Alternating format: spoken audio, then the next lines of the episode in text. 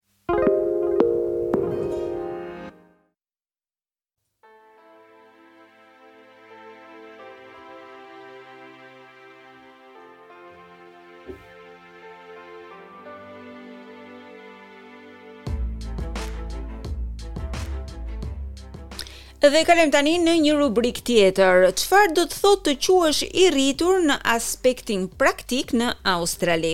Mosha 18 vjeçare mbart me vete ndryshime në pagesat e sigurimeve shoqërore, por ajo sjell edhe disa ndryshime të rëndësishme në disa pjesë të tjera të jetës. Ndjekim raportin. Sipas ligjit, australianët konsiderohen të jenë të rritur në moshën 18 vjeçare.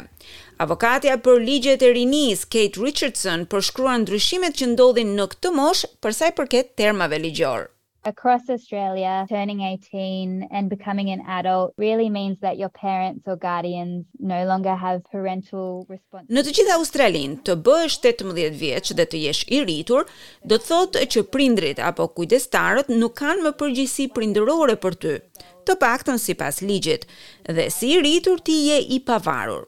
Kjo do të thotë se je përgjegjës për veten dhe sjelljen tënde. Ndërsa për personat nën moshën tetëmbëdhjetë vjeçare, ligji parashtron disa kufizime në lidhje me pavarësinë e individit. Në të gjithë Australinë, tetëmbëdhjetë vjeç është mosha ligjore në të cilën të lejohet të luash kumar apo të blesh edhe cigare. Është gjithashtu edhe mosha ligjore që lejon blerjen e alkoolit. Por rregullat e konsumit të alkoolit në ambiente private për personat nën moshën tetëmbëdhjetë vjeçare ndryshojnë në varësi të vendit se ku jetoni. Generally, the legal age to buy or drink alcohol in a licensed venue is eighteen years old. Mosha ligjore për të blerë ose për të pirë alkool në një vend të licencuar është tetëmbëdhjetë vjeç. Është kundër ligjit për dikë që është nën moshën tetëmbëdhjetë vjeçare të pijë alkool në ambiente private. Këtu futet shtëpia ose e tij ose e ndonjë personi tjetër. Përjashtim përbëjnë rastet kur alkooli jepet nga vetë prindi ose kujdestari, Ka disa dallime të vogla në shtete dhe territore të ndryshme, veçanërisht në lidhje me pirjen nën mbikëqyrjen e një të rrituri në ambiente private.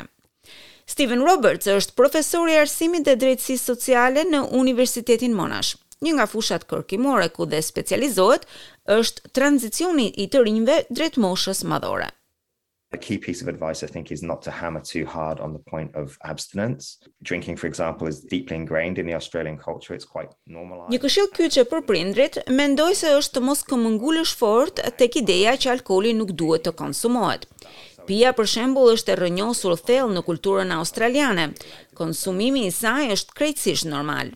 E nuk do të kishte kuptim që të imponohej ky lloj ndalimi i plotë i përfshirjes në praktikën e pirjes së alkoolit. veçanërisht në një kohë kur një të riu i lejohet ligjërisht ta bëjë një gjë të tillë.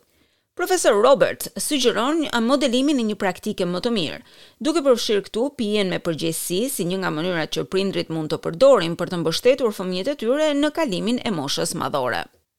So things like pacing themselves, getting the balance right and openly discussing pleasure as well as the social and health consequences. Pra, gjëra të tilla si pirja me kujdes dhe ngadalë, gjetja e një ekuilibri të duhur mes dobisë sociale dhe dëmeve që shkakton alkooli në shëndet. Bisedat e hapura dhe të lira prindër-fëmijë, diskutimet rreth pijes së tepërt dhe dëmeve të saj janë ide që kanë merita. Ata gjithashtu mund të dëshirojnë të flasin me fëmijët e tyre rreth rëndësisë që ka kujdesi për njëri-tjetrin, normat e respektit dhe kufijtë e kënaqësisë me bashkëmoshatarët e tyre. Mendoj se sjellja e moderuar, sinqeriteti dhe komunikimi janë shumë të rëndësishme. Në tema të tjera, një fëmijë në moshë madhore ka të drejtë të marrë pagesa nga sigurimet shoqërore. Hank Jongen, drejtori i përgjithshëm i shërbimeve australiane, flet rreth pagesës së quajtur tax benefit. Part A is a payment for each child until they complete year twelve or an equivalent qualification. Pjesa A është një pagesë për çdo fëmijë derisa të plotësojë vitin e dymbëdhjetë të shkollës ose një kualifikim ekuivalent. Pjesa tjetër e pagesës është përfitimi i tatimit familjar ose pjesa B, e cila është një pagesë që bëhet për familje. Në përgjithësi, përshtatshmëria përcaktohet nga fëmija më i vogël. Megjithatë, varet nga rrethanat individuale të familjes se cilën pagesë do të marrin, pjesën A apo pjesën B. E kur fëmija arrin moshën 18 vjeçare, ai ose ajo ka të drejtë të marrë pagesa në emrin e tij ose të saj. The key payment that's generally paid for young people aged younger than 24 is youth allowance. In order to receive Pagesa kryesore që paguhet në përgjithësi për të rinjtë e moshave të reja deri në 24 vjeçare është ndihma për rininë ose youth allowance. Për të marrë këtë pagesë, ju duhet të studioni një kurs të miratuar dhe me kohë të plotë. Duhet të jeni duke kryer edhe një praktikë australiane apo një kurs kualifikimi. Gjithashtu, nëse jeni tetëmbëdhjetë vjeç dhe kërkoni punë, atëherë mund të keni të drejtë të merrni këtë lloj pagese.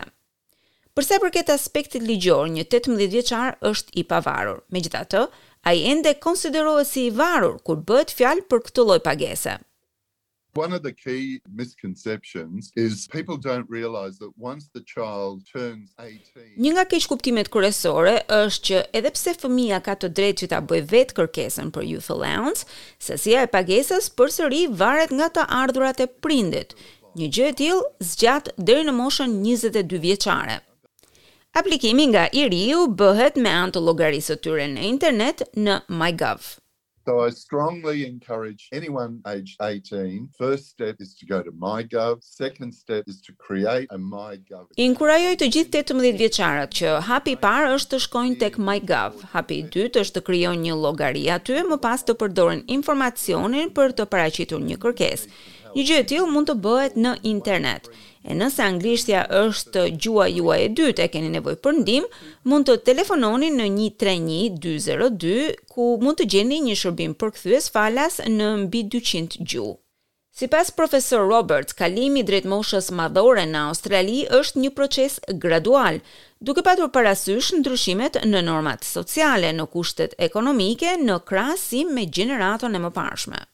basically in short getting a full time job, leaving the family to start independent living, starting a family. Në thelb, me pak fjalë, gjetja e një pune me kohë të plotë, lënia e familjes për të filluar jetën e pavarur, krijimi i një familjeje tënden, gjatë tridhjetë apo dyzet viteve të fundit, të gjitha këto gjëra janë bërë gjithnjë më pak të zakonshme për personat e moshës tetëmbëdhjetë vjeçare. Kjo vihet re edhe te njëzet e një vjeçarët. Tani ndodh më shpesh që këto faza të rëndësishme të jetës të ndodhin më vonë, kur të rriturit janë në moshën tridhjetë apo dyzet vjeçare. Bile, ka dhe nga ata që nuk duan t'i kalojnë fare këto gur themele që ndoshta prindërit e tyre njëherë e një kohë i kishin quajtur më se normale.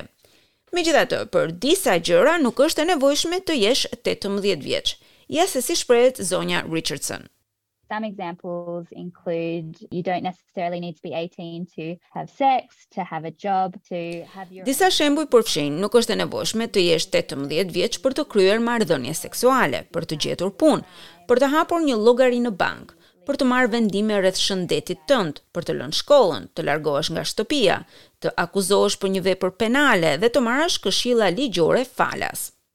Në Australi ka disa statute të cilat përcaktojnë moshën e caktuar sipas të cilës një i ri është i lejuar të bëjë diçka. Në raste të tjera kjo varet nga aftësia e tyre dhe nga rrethanat personale. The Youth Law Australia website has legal fact sheet for all states and territories on many different legal problems that young people Faqja e internetit Youth Law Australia ka disa të dhëna ligjore nëpër shtetet dhe territoret. Ajo mbulon probleme të ndryshme ligjore të cilat mund të përjetojnë të rinjtë, duke përfshirë këtu dhe informacione se kur mund të martohen, kur mund të gjejnë një punë, kur mund të drejtojnë makinën. Ndërkohë për prindërit një burim vërtet i mirë është Raising Children's Network.